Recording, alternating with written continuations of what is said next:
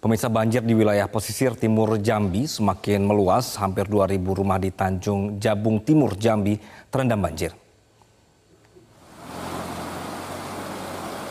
Masih tingginya intensitas hujan dan limpahan air dari hulu sungai Batanghari mengakibatkan banjir di Jambi bertambah luas. Hingga hari ini ada enam desa dari satu kelurahan di Kabupaten Tanjung Jabung Timur yang terendam banjir.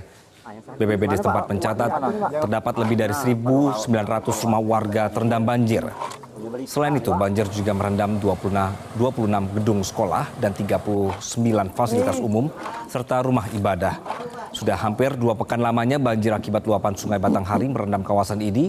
Aktivitas warga pun terganggu dan ribuan orang mengandalkan bantuan makanan untuk bertahan hidup.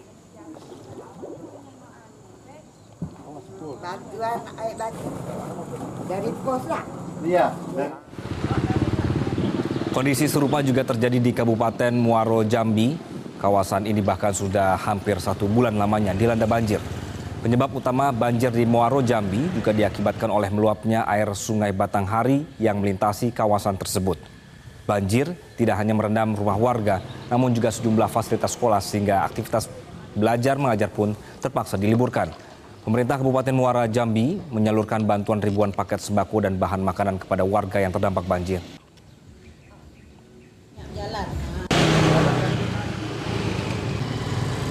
Sementara itu banjir juga merendam permukiman warga di Kecamatan Kertapati, Palembang, Sumatera Selatan.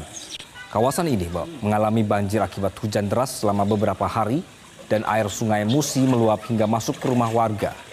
Di beberapa titik bahkan tercatat ketinggian banjir mencapai setengah hingga satu meter.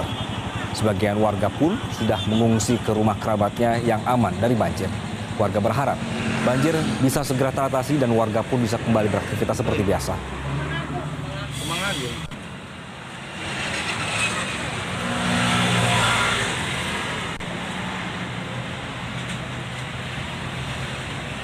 Bu, dengan ibu siapa nama ibu? Cara baru mendapatkan informasi. Download Metro TV Extend sekarang.